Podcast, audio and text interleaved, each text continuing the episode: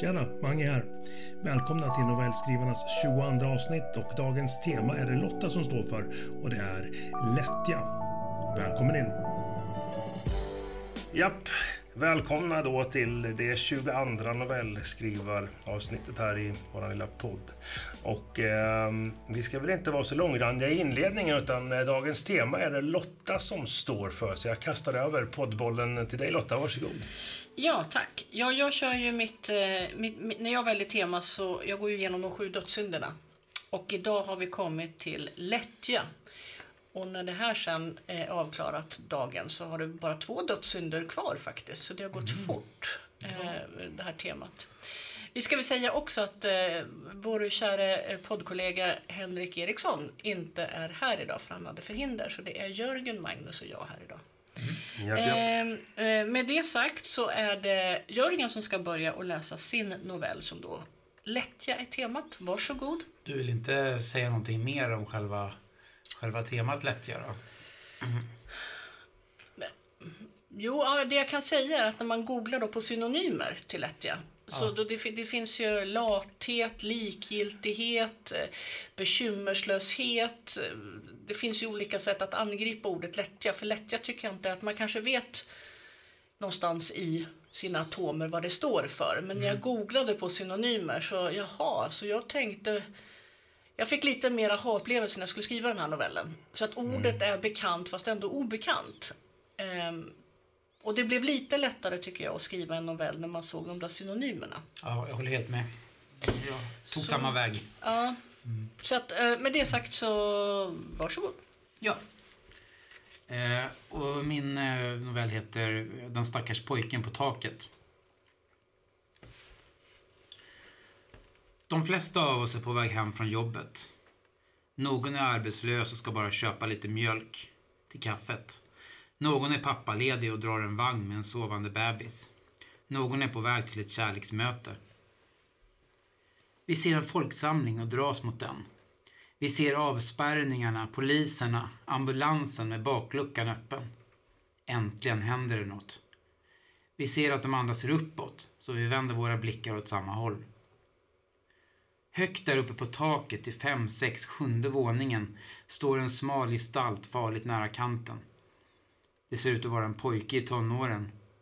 Nu tar han ett steg fram och balanserar längst ut på taknocken. Våra hjärtan slår ett extra slag. Det är för hemskt, för sorgligt. Vi tar fram våra mobiler. Försöker zooma in. Vi vill se ansiktet. Men han är för långt borta. Stackars pojke. Någon av oss säger att någon måste göra något. Vi andra hummar och nickar instämmande. En kvinnlig polis säger åt oss att flytta oss bakåt och för guds skull sluta filma. Vi flyttar oss en dryg meter och fortsätter filma. Vi funderar på vad vi ska skriva när vi lägger ut filmen. Ska vi välja den gapande förskräckta smileyn eller den gråtande? Någon av oss har redan postat. Götgatan just nu. Pojken balanserar på sin taknock. Den smale ledsna pojken, bara någon centimeter från döden. Det är fruktansvärt. Om vi bara kunde vara där uppe på taket och krama om den stackaren. Om vi bara kunde vara där och säga nej, snälla. Eller en liten, liten knuff. Nej. Nu ser vi någon annan där uppe på taknocken. En vuxen kvinna. Tack och lov. Mycket sakta närmar sig kvinnan pojken. Meter för meter. Är hon kanske hans mamma? Det verkar som hon pratar hela tiden. När hon är nära stannar hon och sträcker ut en hand. För en sekund verkar det ändå som pojken ska hoppa. Han vänder sig bort från kvinnan och ser ner mot oss. Vi håller andan, känner adrenalinet rusa, känner att vi lever.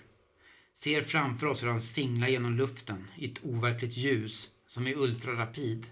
Det dova, våta och hyggliga ljudet av en tung kropp som slår mot gatan och spräcks som en melon.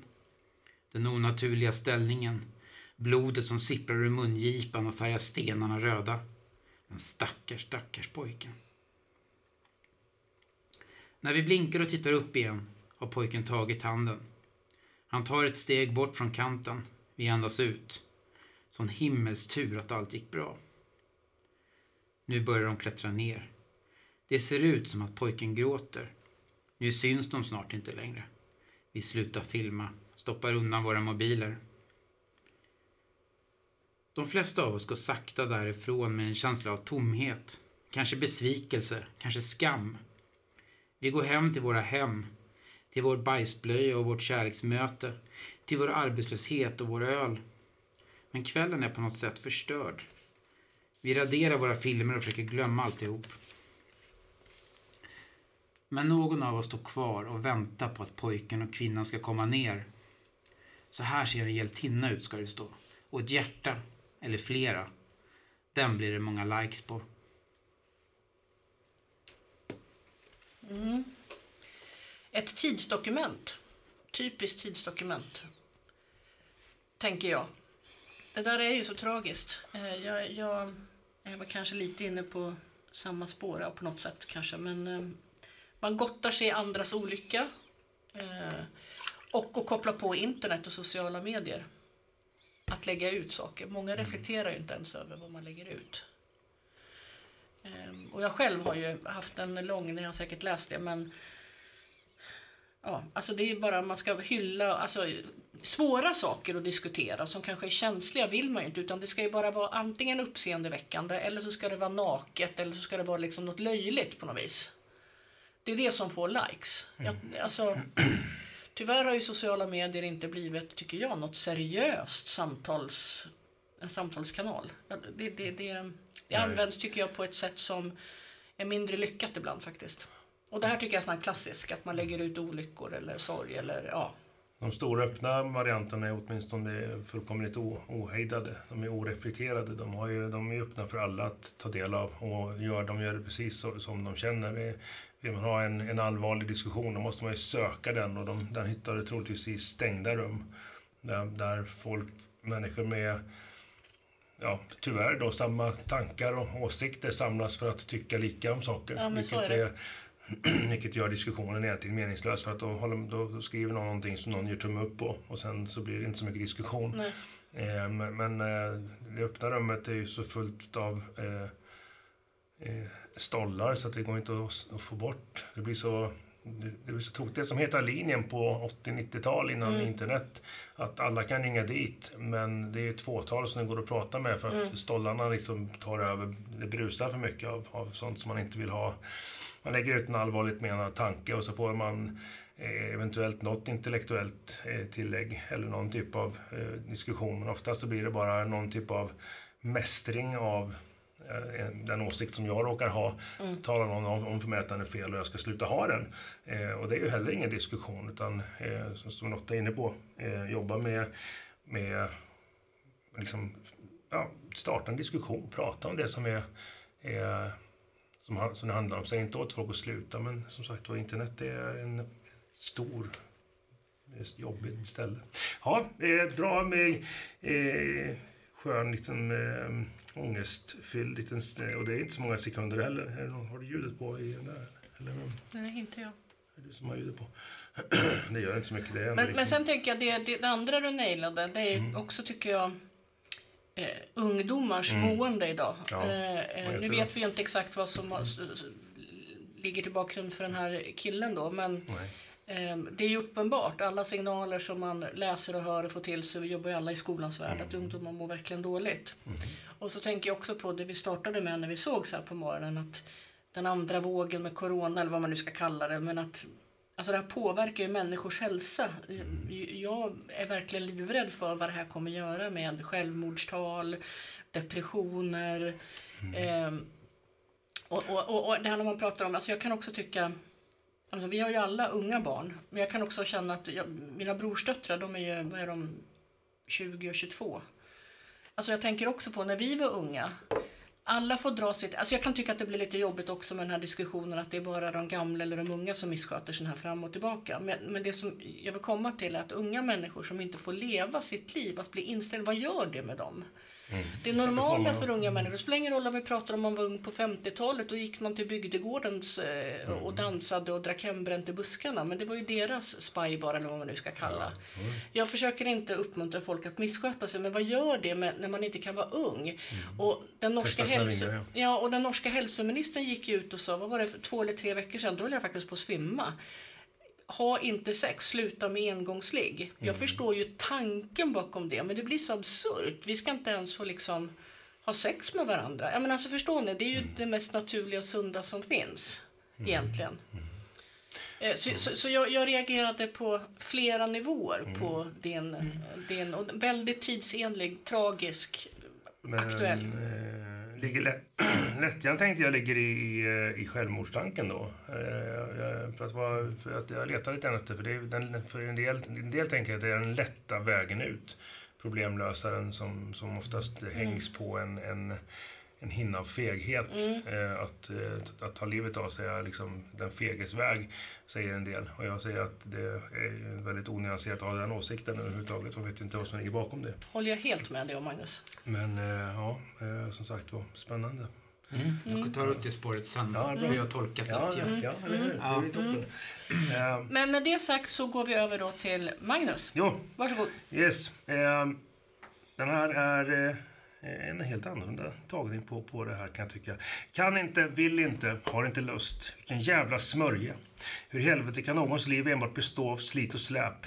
Av en lång oändligt tråkig grad av gör det och fixa det och jobba här och arbeta där.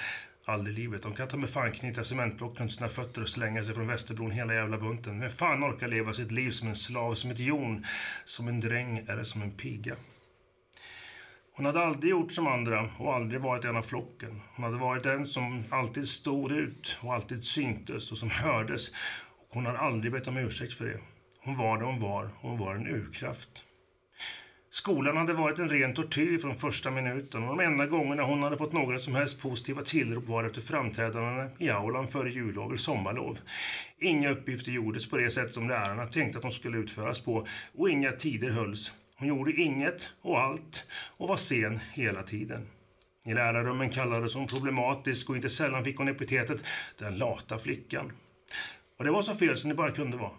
Om de bara förstod sig på henne och vad som fick hennes motorer att kicka igång så skulle de fatta. De skulle fatta. Att vara lat, att inte göra det som förväntades, det var inte hennes grej, men lika lite var det hennes grej att bara finna sig i all skit som andra hittade på. Hon såg sin väg, sina vägar och hon visste hur hon skulle ta sig fram och hon visste att hon alltid skulle få skit för de val hon gjorde. Det kändes alltid lika trist när hon kände varje gång att hon inte kunde tala om hur hon tänkte, inte ville försöka förklara sina handlingar och inte hade lust att spela med i ett spel som hon inte hade varit med och utformat själv. Så hade det varit och så skulle det fortsätta att vara. I årskurs 9 varnade lärarna henne och kallade till krismöten i tid och otid. Hennes mamma fick sitta och höra samma klagosång och farhågorna listades i åtgärdsprogram efter åtgärdsprogram. Men det gjorde liksom ingen skillnad.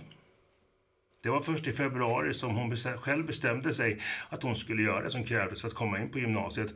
Och då rasade betygen in. Inte bara låga E, utan hon visade också att hon var riktigt duktig. I de flesta ämnen fick hon till slut några mer betyg än vad skolan hade trott. Men det var ingen som visste vad som skulle hända i slutet på tredje ring på gymnasiet. Det skulle ha fått hennes högstadielärare att tappa hakan, och kanske hela skallen av förvåning. Hon hade klarat av att ta betyg, att erövra E-nivåer i alla ämnen hon läste och till och med skrapat ihop ett par C och ett A i programmering. Men det var när hon, eh, när hon genomfört högskoleprovet som det gick upp för alla som fick veta hur det hade gått, hur jävla bra hon var och hur långt ifrån lat hon varit under alla år. När hon öppnade meddelandet i min myndighetspostappen stod det Resultat på utfört högskoleprov 2.0. Lat. Mm. Wow, ja det är lite samma tema men på något sätt. Det är ju helt olika teman, men ungdomar ändå. Eh, eh, som, eh, och det där är också så, ja. Det finns ju, någon, jag kommer inte på någon, men man har läst någon kändis som har typ har varit ganska medioker i skolan men sen så har lyckats svinbra, kanske inte 2,0, det är väldigt ovanligt, men som har lyckats extremt bra. Det där säger också någonting. Vad mäter vi i skolan? Vad är det för kunskaper vi mäter och på vilket sätt? Ja, det är kanske där lättjan kommer in också eh, i den här texten. Att jag tolkar det som de vuxnas lättja. Sen är det väldigt svårt kanske att utforma skolan för alla elever. Men de där finns ju ganska många tror jag. De, de som nästan är lite för smarta för att liksom passa in i, i mallen, i formen. Och där kanske tänker- blommar senare liksom. Ja, och då tänker jag att om man då ständigt blir ifrågasatt, så där har man ju hört talas om de här högpresterande eleverna eftersom skolan i princip är mellanmjölkens land i, Sto- i Stockholm, i Sverige. Att vi handlar ju om att vi ska hjälpa så många över E. Så att de som är riktigt duktiga och begåvade, de slänger man till någon bokläs den här, den är två årskurser över. Men de har man ju inte tid att ge någon stimulans, men de finns ju där. Och många reagerar ju då att inte göra någonting då, för att de tröttnar ju på skolan och strukturen. Så det här är ju faktiskt också, tycker jag, en novell som ger en känga till skolsystemet och hur vi gör med de som är duktiga i skolan. Ja, det känns som en, en viktig text på det sättet. Att lyfta fram en, en, en sån elev. Jag har inte riktigt läst. Jag har inte läst mycket sådana typer av skildringar. Nej, inte mycket men de finns. Nej, men och det är väl också det att man skildrar ju de som är utanför och socioekonomiskt svaga områden och de som inte når upp till E och de som blir troublemakers av den anledningen. Den här gruppen har ju nästan ingen röst. Nej, precis. Ja, Jag kommer komma in på lite grann hur, hur tankarna kretsar kring, kring den här ensidestexten. Det var ju typ en A4-sida. Eh, Men eh, ja, Men skulle man eh, skulle du läsa upp i klassrummet och se vad du fick för reaktion på? Ja, faktiskt. jag ska Ja. göra det till veckan. Ska du göra det? Kan jag göra. Ja, väldigt spännande. Jag har några som den passar in på. Så att det finns ju, det finns ju förebilder i min, i mitt, min snart 20-åriga karriär som jag liksom naturligtvis har träffat på den här typen av ung- ungdomar som har haft ett blixtrande intellekt, intellekt men som, eh, som eh, när de säger sitt ner så ställer de sig upp och när de säger sluta skrik så ropar de högre och så vidare. det, är liksom, det är som den här eh, villfarelser-grejen som vi pratade lite om igår. De sa sätt dig fint, jag satte mig fult. Ingen jävel Ja, skulle få mig precis, dit de ville. Liksom. Den är så vä- väldigt bra. Det är lite grann, det, den tänkte jag inte på när jag skrev den här, men det är lite grann det det handlar om. Att någon, att, eh, ja, bara liksom den här, någon som är otroligt eh, intelligent eh, och dessutom genomskådar eh, det som kanske inte passar personen och gör det som passar Nej. den. Det som är spännande här också att, att eh, ditt yrke ger ju dig en legitimitet och en insyn som, som gör att, att eh, det är inte jättemånga som kan skriva en sån text. Nej. Jag tror, alltså om man inte är lärare så, så blir det svårt. Det, Mm. Att utnyttja det, det, det tycker jag också är bra. Lyfta fram de här... Och lite så gräva där man står när man skriver något. precis. Write what you know. Ja. Kul! Jaha, nej men eh, då går väl jag vidare då. Sista man ut, jag som har valt temat. Eh, så då kör vi på min text. En del säger att jag har det här jobbet på grund av lättja. Jag blir extremt upprörd när jag hör det. För några år sedan, när jag fortfarande var i ganska god form, tog jag strid för min rätt att tas på allvar. Det var i ett sådant slagsmål som jag förlorade en av mina framtänder. Den andra framtanden förlorade jag förra månaden när en torsk inte fick utlösning trots att han hade juckat i över 15 minuter. Jag hade gjort allt vad jag hade kunnat med både händer och mun, men det hade inte hjälpt. Och till slut hade torsken blivit så rasande att han slagit mig stenhårt över näsa och mun med knuten näve. Omedelbart hade jag känt hur något gick sönder i munnen och jag hade fått panik när blodet rann bakåt, ner i halsen. I en vag förhoppning hade jag trott att allt skulle ta slut där. Men jag borde ju ha vetat att vissa torskar aldrig ger sig, oavsett blod, vädjanden eller tårar. Just den här välte bara över mig på magen och trängde in i min torra stjärt. Den smärtan överträffade med råge den i munnen och jag måste ha svimmat av. För när jag vaknade till låg jag ensam kvar på den smutsiga madrassen. När jag ostadigt kom upp på alla fyra för att kunna dra på mig trosor och byxor upptäckte jag den tomma kondomen bredvid mig. Det var uppenbart att torskjäveln, torskjäveln hade kommit i mig istället. Men det var inte förnedringen och smärtan som fick mig att bryta ihop. Det var det faktum att den jävla uslingen hade snott mina surt förvärvade pengar. Jag såg att innerfickan på min jeansjacka var på avigsidan och där det förut legat fyra 500-lappar låg nu endast det fläckiga fotot på min ängladotter, Saga. Fan, fan, fan! Jag behövde någonting nu! Jag skakade hela kroppen. Den värkte och brann som om tusen strålar av den hetaste sol grillade min hud. Om jag hade tur så kanske Jocke fortfarande hade kvar lite som han kunde undvara.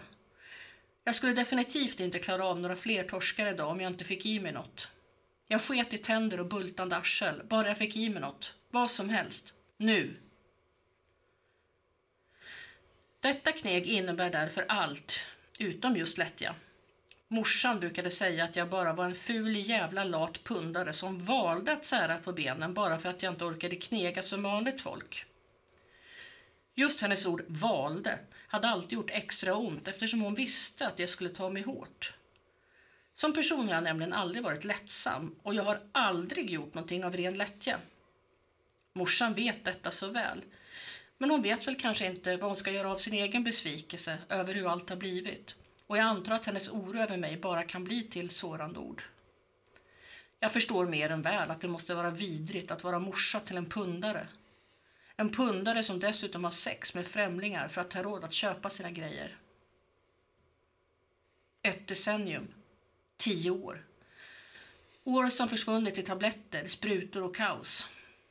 Morsan borde väl i alla fall känna en tröst i att jag förmodligen är den mest välutbildade pundaren i stan. Fasen. Jag hade ju bara haft C-uppsatsen kvar innan min examen. Men på slutet gick allt så oerhört snabbt. Jag trodde verkligen att jag hade haft allt under kontroll. Helt ärligt så hade jag bara skrattat åt mina partykompisars oroskommentarer. Vad fan, de festade ju själva och knaprade både det ena och det andra. Så deras lumpna kommentarer var bara löjeväckande i mina öron. Visst. Så här i efterhand gick det ju att förstå hur de resonerat. Men det är alltid lätt att vara efterklok. När de festade på helgerna så började jag även att festa på onsdagarna. Och sen blev det även på torsdagarna. Och då var det liksom lika bra att köra på till den nya veckan började. Men till slut hade den ena veckan aldrig hunnit ta slut innan den nya hade tagit sin början. Och karusellen bara snurrade fortare och fortare. En tidig morgon var det bara att inse att jag inte hade några riktiga kompisar kvar. Inte heller kunde jag titulera mig student. Jag hade inte gått på en enda föreläsning på två månader och min handledare hade slutat ringa. Jag slutade även att åka hem till mamma. Jag ville visa henne att jag kunde återta kontrollen över mitt eget liv igen och att jag kunde fixa det på egen hand. Ensam är stark, tänkte jag. Men istället började jag samla på mig den ena knäppare pojkvännen efter den andra. Alla dög. Bara de hade pengar. Jag tror faktiskt att jag blev deprimerad. Helt plötsligt hade jag inga drömmar kvar. Allt cirklade kring att bli hög nästa gång och jag skämdes så väldigt över detta misslyckande. Mitt liv blev som ett schackspel, men det var inte jag som flyttade pjäserna. Istället blev drogerna spelmästaren och männen dess lakejer. Men mamma har faktiskt fel på denna avgörande punkt. Att knulla med främlingar är inte lättjefullt. Det är slitsamt att tvingas konversera med idioter som tror att de gör en välgärning när de efteråt ger, sig, ger mig sina sedlar. Det sliter på psyket att dagligen vara rädd för vad, ska, vad som ska hända i nästa möte. Och det sliter på kroppen att alltid jaga nästa fix. Lättja. Det är ett vackert ord tycker jag. Men det är också ett svårt ord att fylla med innebörd. Är lättja samma sak som lathet? Eller betyder det enkelhet? Eller att vara bekymmerslös? Jag vet inte. Men med säkerhet vet jag att mina val inte beror på lathet. Jag har aldrig sovit så lite som jag gör nu för tiden. Mitt liv är inte heller enkelt. Tvärtom, mina dagar är mer komplicerade än någonsin. Jag måste alltid vara på min vakt och alltid sova med ena ögat öppet. Men bekymmerslös? Ja, det är jag nog faktiskt. För jag vet med säkerhet att det finns en sak som jag inte bryr mig om. Livet. Livet är mig likgiltigt. Mm. Oh, det var svart.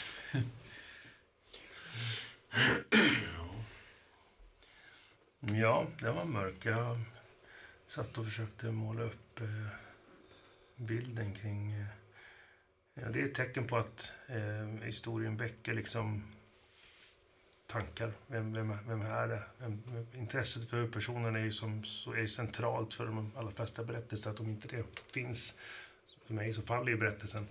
Eh, så att då började jag ju tänka, ja, men var hon, henne, hennes mamma, vad hade hon för bakgrund och var någonstans bor de och, och allt det här. Och började man fundera kring, liksom, kring historien. För att det som sen slutade med att hon hamnar i ett missbruk där med party som rullar på. Liksom det, ja, jag blev intresserad av personen.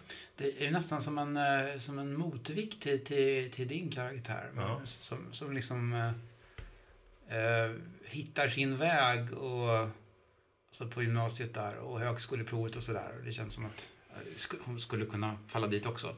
Fast det här är ju snarare tvärtom. Någon som, som har följt en ganska framgångsrik väg, liksom håller på att skriva en C-uppsats Mm. och, och, och, och sen skiter det sig där. Mm, partykompisar och så vidare. Fast vi vet inte vad som ligger bakom. Man förstår att eh, relationen med mamman kanske inte är hundra och sånt. Men Nej, och sen så känns det, blir så här, jag får ju tanken att det här är en, eh, en ung kvinna som kommer från en, hon kanske är den första i, i familjen som går vidare till högre utbildning i och med att morsan uttrycker sig med kneg och det är lite sådär arbetarklasskänsla eh, sådär. Även om det är väldigt Hemingways outtalat egentligen. Det är bara några få ord som Eh, som visar att hon kanske inte har, hon kanske inte är akademiker själv utan och den här besvikelsen som, som då hon inte kan ge uttryck för. Att hon inte är så, så lärd blir bara en typ av, varje grej hon säger blir någonting som skär i, i dottern och liksom på något vis. Eh, nej, det är, det är Hemingways, det är så med korta noveller. De blir väldigt... Eh, eh, eh, det finns mycket som skulle kunna broderas ut men det går inte att göra det för då blir det ju kortromanerna av det. va. Så att det är ju så det som gör novellen så kraftfull. Eh, lämnar en hel del åt den som läser eller lyssnar. Eh, jag menar, shit, det här är ju ett, ett levnadsöde som tecknas upp som skulle kunna liksom göras ett, avsnitt ett eh, högstadiet, avsnitt två gymnasiet, avsnitt tre hög, eh, högskola och sen avsnitt fyra fallet. Alltså där man i- går in i, i fest, festcirkeln och börjar eh, göra dumma grejer. Så ja. eh, lättja diskuteras ju en hel del i texten där. mm. Och, och, och vara prostituerad det är Mm. verkligen ingen... Nej, Och jag ville nog när jag Ja, Mm. skrev det att jag ville att... För jag tror, jag menar ja, om vi kan börja prata om min tanke bakom när jag skrev den här. ja men vi kan ju börja Ja, med vi det kan då. börja, Vi kan ja. släppa diskussionen här. Mm. Ja. Det var ju min tanke var ju att det är så himla lätt att ha förutfattade eh, menar fördomar kring vilka som hamnar i missbruk. Eh, Samtidigt så, jag vet inte om jag var förskonad när jag växte upp, men det fanns oerhört, det var ju liksom alkohol, det är också en drog i och för sig. Men, men nu verkar det ju finnas ganska mycket droger och tabletter, att man kan beställa på nätet. Det verkar vara normaliserat på ett helt annat sätt. Ja. Och då ville jag skildra att här, kan, här finns det en person som uppenbarligen är ganska intelligent och som är på väg att lyckas och en akademiker, nej så, eh, inte alls dum i huvudet. Eh, och tror att hon har kontroll över de här substanserna. Men sen spårar det liksom ut. Eh, spårar ur. Eh, och samtidigt vill jag då se att hon, hon är ju intelligent. Hon har en tanke och det framgår ju inte heller vad hon skriver en C-uppsats i. Det skulle teoretiskt sett kunna vara filosofi. Eh, Eller ekonomi, eller religion, eller psykologi, eller idrottsvetenskap. Ja, men det framgår ju inte. Nej. Men hon resonerar ju själv kring begreppet lättja och hon bär ju på sig det som mamman säger till henne, att uttrycker sig ganska nedsättande. Så hon försöker väl någonstans hitta sig själv, att beskriva sig själv på ett akademiskt sätt för att ändå ge sig själv lite cred, tänker jag. Jag tänkte på det, det var ju hennes språk. Eh, eh, för det är ju en jag-berättelse. Eh, är ju, hör ju inte hemma där hon befinner sig. Nej. Hon har ju ett, ett, ett, upp, upplyft språk med eh, lite, jag ska inte säga arkaism, utan mer vuxenspråk, akademiskt vuxenspråk. Med lite, eh, jag ska inte säga svåra ord, men eh, ja, helt enkelt mogna, vuxna eh, akademikerord. Och det, det är i kontrast till det, den situation hon befinner sig i. blir ju också så här... Det blir Eh, hemskt. Ja, för, för drogmissbruk är ju inte klassanpassat. Det är inte så att man, om du eh, har ont om stål, att du per automatik hamnar i missbruk eller, Nej. eller så. Utan det här är ju, det, det här beroende, beroendet finns hos alla liksom. Nej, och sen var det också att jag tittar ju... Alltså jag tycker USA, på, på gott och ont, men det är ett oerhört fascinerande land. Enorma kontraster. Och de har ju som vi vet en jättestor op opioidkris. Så jag tittar jättemycket på dokumentärer och så finns det, ja det finns hur mycket som helst. Men då finns det, nu kommer jag inte ihåg vad de heter, men då finns det en kille som går ut som, som jag har tolkat det som att han bor i områdena i, i, det här, i den här stan. Så gör han kortintervjuer med olika eh, knarkare, kort sagt, missbrukare. Och ibland följer han upp dem och ibland kan man se att den som jag tittade på intervjun som gjordes i maj kanske i år har, nu bli, har då gått bort. Eh, och då ser man så väldigt tydligt i intervjun med de här, för de kan ha vara allt från 5 minuter till 15 minuter. Och de kommer ju från vitt skilda världar. Det är ju akademiker, det är superlyckade företagsledare som rasar igenom. Sen är det ju då också ursprungsfattiga om man säger så. Men det finns en hel, ett helt spektra som det här missbruket tar grepp om och alla liksom rasar igenom. Och kopplat då att det inte finns något skyddsnät. Så att jag kan sitta och bli helt fascinerande. Samtidigt så måste jag ibland tvinga mig själv. Nu får jag inte se någon sån här snutt på en vecka för jag blir ju deprimerad. Ja, sen, vi har ju torskarna här också. Eller den här otäcka mannen i början framför allt. Där tycker jag man kan prata mycket mer om lättja än, än eh, hon, kvinnan. Alltså det, det här är liksom köpa sex och tro att man kan göra vad som helst med den kroppen bara för att få utlösning. Typ. Mm. Det tycker jag är den lättjan som eh, går in i likgiltighet och ja, nästan ondska. Ja, men visst, det gör jag. Men, ja, Och Paolo Roberto tänker man ju då Ja, på. ja, Eh, Och han har ju ändå fått, nu har ju startat upp nya företag. Han verkar ju bli förlåten för vad som helst för att han är en ren och snygg torsk, förstår ni? Lite så som snacket går. Att, att nu, nu börjar ju han komma tillbaks in i värmen igen. är Smått, smått, smått. liksom, Precis. det. Men han är ju också lättjefull när han på det sättet tar sig rätten att bestämma över en annan kropp. Ja, nej, det är tokigt det där.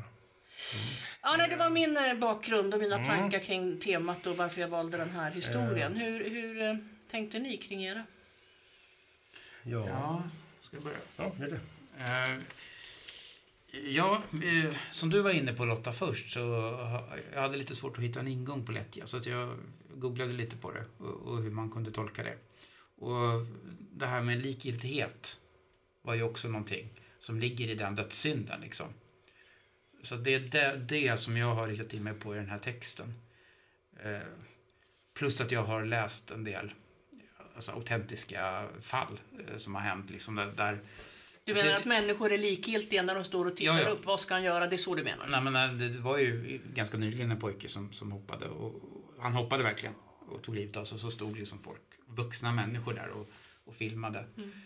Eh, Men det här är ju likgiltighet verkligen tycker jag. Inför Mm. känslolöshet och likgiltighet inför liksom andra människors känslor. Alltså det känns ju inte som... Jag var också ute efter det här flockbeteendet. Alltså. Det här väldigt otäcka tycker jag som ibland händer när människor är i grupp. Mm. Att, att det är också det här lite så här rovdjursaktiga, liksom, suktandet efter blod på något sätt. Mm. Samtidigt som man resonerar med sig själv in i huvudet sådär som att åh stackarn liksom, hoppas det inte händer. Och samtidigt som man nästan vill liksom, hoppa då, hoppa då, hoppa då. Det var det där jag var lite ute efter. Just det där att få publik. Jag menar som du sa i inledningen. Och nu händer någonting. Det samlas en grupp människor. Ja, Eh, och jag, jag brukar ibland när man åker förbi någon trafikolycka eller sådär. Jag, jag verkligen, alltså man är ju nyfiken. Det är ju en grund i mänskligheten. Men jag får verkligen säga till mig själv. Jag har inte med det här att göra. Det finns människor som hjälper. Varför ska jag gotta mig? Eh, och dessutom om det är någon som har brutit ett ben eller någonting. Det, det, är ju- det är ju inget roligt att se. Men jag måste ändå tänka tanken. För jag tror att det är lite som Pavlos hundar. Man vill ju gå dit och titta. ja. För att en nyfikenhet, det är ju alltså. betingat någonstans. Men eh, ja. Men det har också varit fall där, där liksom människor har drunknat. Eh, I stort sett. Eh, Och människor har stått i vägen för, de För som ska hjälpa. Liksom. Ja, att de vill fånga det här. Ja. Så att man inte överhuvudtaget ser liksom sin egen... Att man kan göra någonting själv, att man kan handla. Utan den första impulsen är liksom... Ja, det, Telefonen. det händer någonting. Vi dokumenterar det. Mm. Jag tycker det är en väldigt otäck tendens till det. Och framförallt finns det då ingen möjlighet till empati. För jag menar, det man då ska tänka sig att jag menar, om jag själv hade legat där, skulle jag vilja att någon filmade min olycka och min sorg och nej, mitt precis. blod? Men det, folk verkar ju inte kunna Eller tänka min son. så. Eller min, son. precis, ja, precis. Min kompis.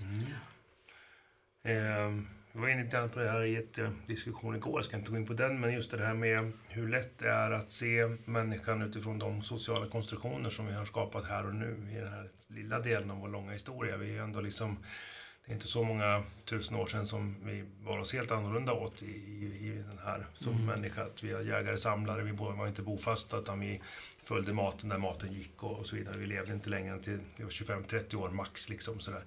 Eh, jag tänker det att om, om det här händer någon som vi känner, om det här är en i min flock, Mm. om det är en kompis som står, då tar jag inte fram mobilen. Utan då Nej, gör jag allt för att rädda. Ja. Men när jag är i en annan flock, den oidentifierade flocken som ser någon annan i en annan flock som är på väg att försvinna, då är det i sig ingenting som hotar mig utan någonting som till och med kan vara rent betingat bra för att en mindre av de andra gör att vi blir en mer. Det här grundläggande. Det är Eh, otäckt. ja, det är grejer. otäckt men Ja. väldigt bra Ja. uttryckt Magnus. Ja, jag tänker att det är Eh, den, den, den känslan. För vi, någonstans har vi lärt oss så pass mycket om oss själva och kan tänka ur ett metaperspektiv, alltså utifrån se på oss. Att vi har eh, transcenderat, så heter det. Vi har gått förbi och gått, eh, liksom blivit upphöjda för alla andra djur är mindre värda. Liksom. Och, men vi har glömt bort att i bas, i, i grund, Ja. så är vi biologiska varelser som drivs av inte bara sociala strukturer och vad vi lär oss utan också det som kanske också gör oss framgångsrika som biologiska varelser. Jo, Ja. och det där, är- jag tror ju att man, man kan ställa sig lite över det där också. Men ganska ofta så kanske man finner sig själv. Basbeteendet. Ja, men att man är, man, alltså, det är skammen efteråt på något sätt. Att man har dragits med och, och gjort det här. Och så kan man se sig själv utifrån. Vad fan håller jag på med?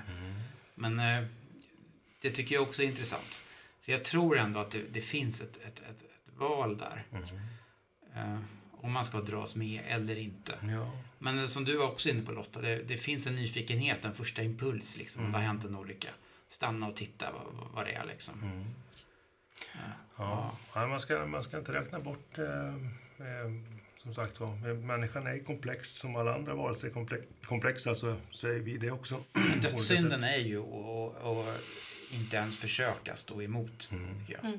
Precis. För det tror jag vi har förmågan att göra. Mm. Vi har förmågan att, att alltså, Jag tänker, över, ja. tänka oss själva liksom, Mm. bort med den där jävla mobilen. Den ska inte vara här nu. Men jag tänker det var nog också senast den här likgiltigheten att nu har ju EUs, vad heter de, Front, Front, Frontex eh, har ju nu blivit kritiserade. De får ju inte göra det. Eh, eh, men nu har, man, har, det finns ju belägg som är filmat av eh, människorättsorganisationer hur alltså Frontex, gemensamma EUs gränspolis, har alltså medvetet puttat bort gummibåtar som kommer till och åker till och med runt dem så att de ska välta och gör stora svallvågor. Det var uppe på nyheterna faktiskt bara här i veckan. Att Frontex då hade fått så mycket skit. Och så var det vår kommissionär då som är flyktingansvarig där, Ylva Johansson.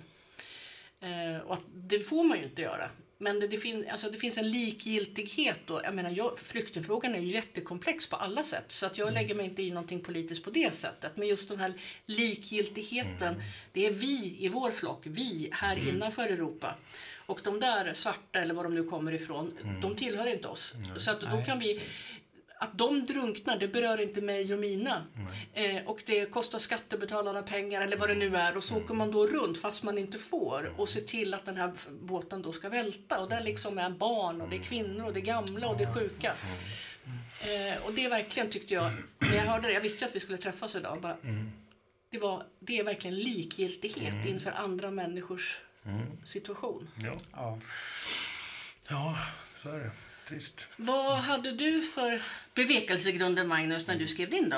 Hur tänkte Nej, du? Nej, men jag tänkte det att hur lätt det är att, eh, att klistra på någon en etikett eh, baserat på hur man uppfattar den eh, genom kort, korta liksom, upplevelser av personen. Den här människan är ju en människa som är normbrytare, som inte passar in, som inte är som inte är den här klossen som passar i hålet som skolan eller samhället har erbjudit. Här har du ett, ett kvadratiskt hål.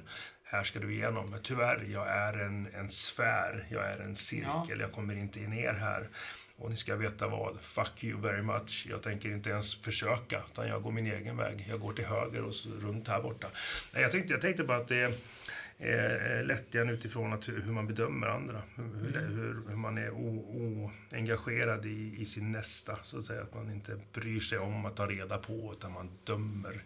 Fast I det här fallet så är det ju intressant. Det är ju också en, en, en typ av eh, utbildning. För, för den här flickan i din text till exempel. Det, det här att, att inte passa in och vara den som Mm.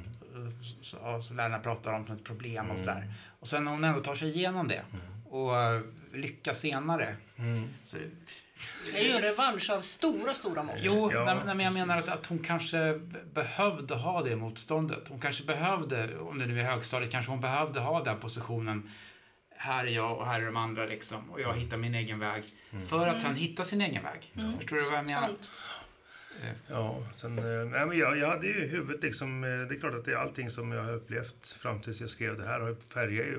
Och jag hade ju, nu jag tänker efter, så jag Lisbeth Salander i, eh, i Millennium-trilogin. Det är ju en sån karaktär som aldrig har gått, eh, om någon sa gå vänster så gick man baklänges. Så det har alltid gjort. Men hon är ju väldigt stark, din karaktär, i sig själv. För jag Ja. menar, eh, hon har en oerhörd självkänsla som är positiv. Hon vågar gå sin väg. Ja. Och det är lite fascinerande. För de flesta vågar ju inte gå sin Nej. egen väg när man är tonåren. Man vill ju inte sticka ut på något sätt. Nej. Så att hon är ju stark. Jättestark att våga gå den här vägen. Det är ju något beundransvärt. Så man kan ju lika gärna bli knäckt. Det är det som är Exakt. så sorgligt. Och det är det som är min nästa fråga. Ja. Hur, hur, hur möter man de här eleverna? Finns det något sätt att... Ja, men jag tror inte att man möter dem så, utan jag tror att det, de, de, de är ju de de är och kom, kommer inte att göra som du säger. Och i och med att du försöker Nej, men då ha- måste man ju förhålla sig till det på något sätt. Ja, det, och det gör, det gör vi Det ju daglig, dagligen på något sätt. Ja. Att det, ja, ibland tar man konflikter med dem och ibland inte, men oftast så... Ja, Men det kanske är så ibland att, att eh, det kanske inte går att göra mer. Men, men det kanske är precis det som den här eleven ändå behöver. Nå- Några vuxna som hela tiden försöker nå fram fast det inte riktigt går. Mm. Och sen så, så står hon på sig och så hittar hon sin egen väg. Det kanske liksom på något sätt finns någonting bra i det här också. Ja, ute alltså, tanken, är, tanken var ju bara att eh, jag tänker beskriva... Eh, nu- tog jag det som jag, jag grävde där jag stod, så att säga. Jag, jag, jag valde någonting som jag känner till med många års erfarenhet. Så att det, eh, och sen, så, för tanken var ju bara hur, lätt, hur lättvindigt vi avfärdar människor som lata, eller vad det nu kan Ja, vara. I alla fall som lättiga då, att vi, är, vi, är, vi går alldeles för snabbt från du gör inte som jag säger åt dig, alltså är du lat. Du gör inte uppgifterna som jag ger dig, du är lat. Du kommer aldrig i tid, du är lat. Istället så, så har, finns det ju ett, ett, enormt isberg under den ytan. Som gäller att var, varför är en, eh, en ung människa sen till skolan varje dag eller ofta? Eh, Och samtidigt så kan ju vi lärare inte strunta i det. För trots allt, vi har ju inte individuell undervisning i skolan. Eh, vi kan inte förhålla oss till men om det är 30 elever i en klass och sen så träffar du som jobbar heltid kanske Mm. sju klasser i veckan, eh, sju grupper. Det går inte att ha individuella, alltså man måste följa, ja, men skolan börjar 8.20. Ja, eh, eh, och de här uppgifterna, ja, visst jag försöker individuellt Mm. anpassa uppgifterna så gott jag kan, men trots allt, det är en grupp som, vi kanske träffar 200 elever i veckan och då kan man inte Mm. så är göra speciallösningar till till- 40-50. Det går inte. Den tiden finns inte. Nej, precis. Det är helt omöjligt. Så det är den andra sidan av myntet. Ja, så det är jätteintressant. Ja. Jag vill inte ifrågasätta för jag tycker att det, jag får såna Mm. alltså, spännande tankar om din text. Men, men var i ligger lättjan hos vuxenvärlden gentemot den här eleven? Nej, men, nej inte, alltså, inte, jag tror inte att man ska se den på, på så bokstavligt utan Mm. man får tänka kanske lite, lite mera mm, eh, metaforiskt. Att se det som att vi är för snabba för att, Ja, för att, att måla, på, måla på. Att, eh, ja, men det är det liksom. som, för att det, som jag skriver, här, hon fick epitetet eh, den lata flickan och hon kallades problematisk och så vidare.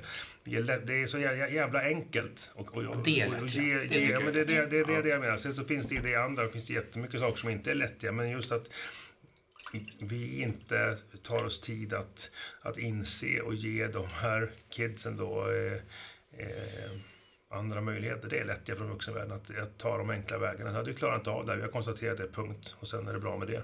Men det finns en annan aspekt på det också. Så många av de här eleverna, eh, även de som är på andra änden som inte har 2,0. Eh, alltså det vi som vuxna kan göra, tänker utifrån skolan, även du som skolbibliotekar träffar vuxna.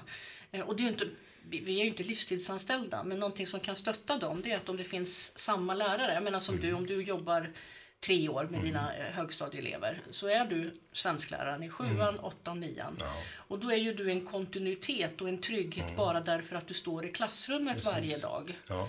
Eh, och där är ju ett problem också när det är så stor personalomsättning eftersom det är en efterfrågan på lärare. Och det innebär att det är inte alls ovanligt att klasser kan byta på, jag menar på tre års högstadiesvenska att de har sex, sju olika svensklärare. Herregud. Ja, så- Och för elever då som ja, men ligger om man säger, på båda de här ämnena har jättesvårt i skolan när de är väldigt begåvade. För dem kan ju världen rasa ihop därför att de förlorar liksom tryggheten och tilliten till vuxenvärlden.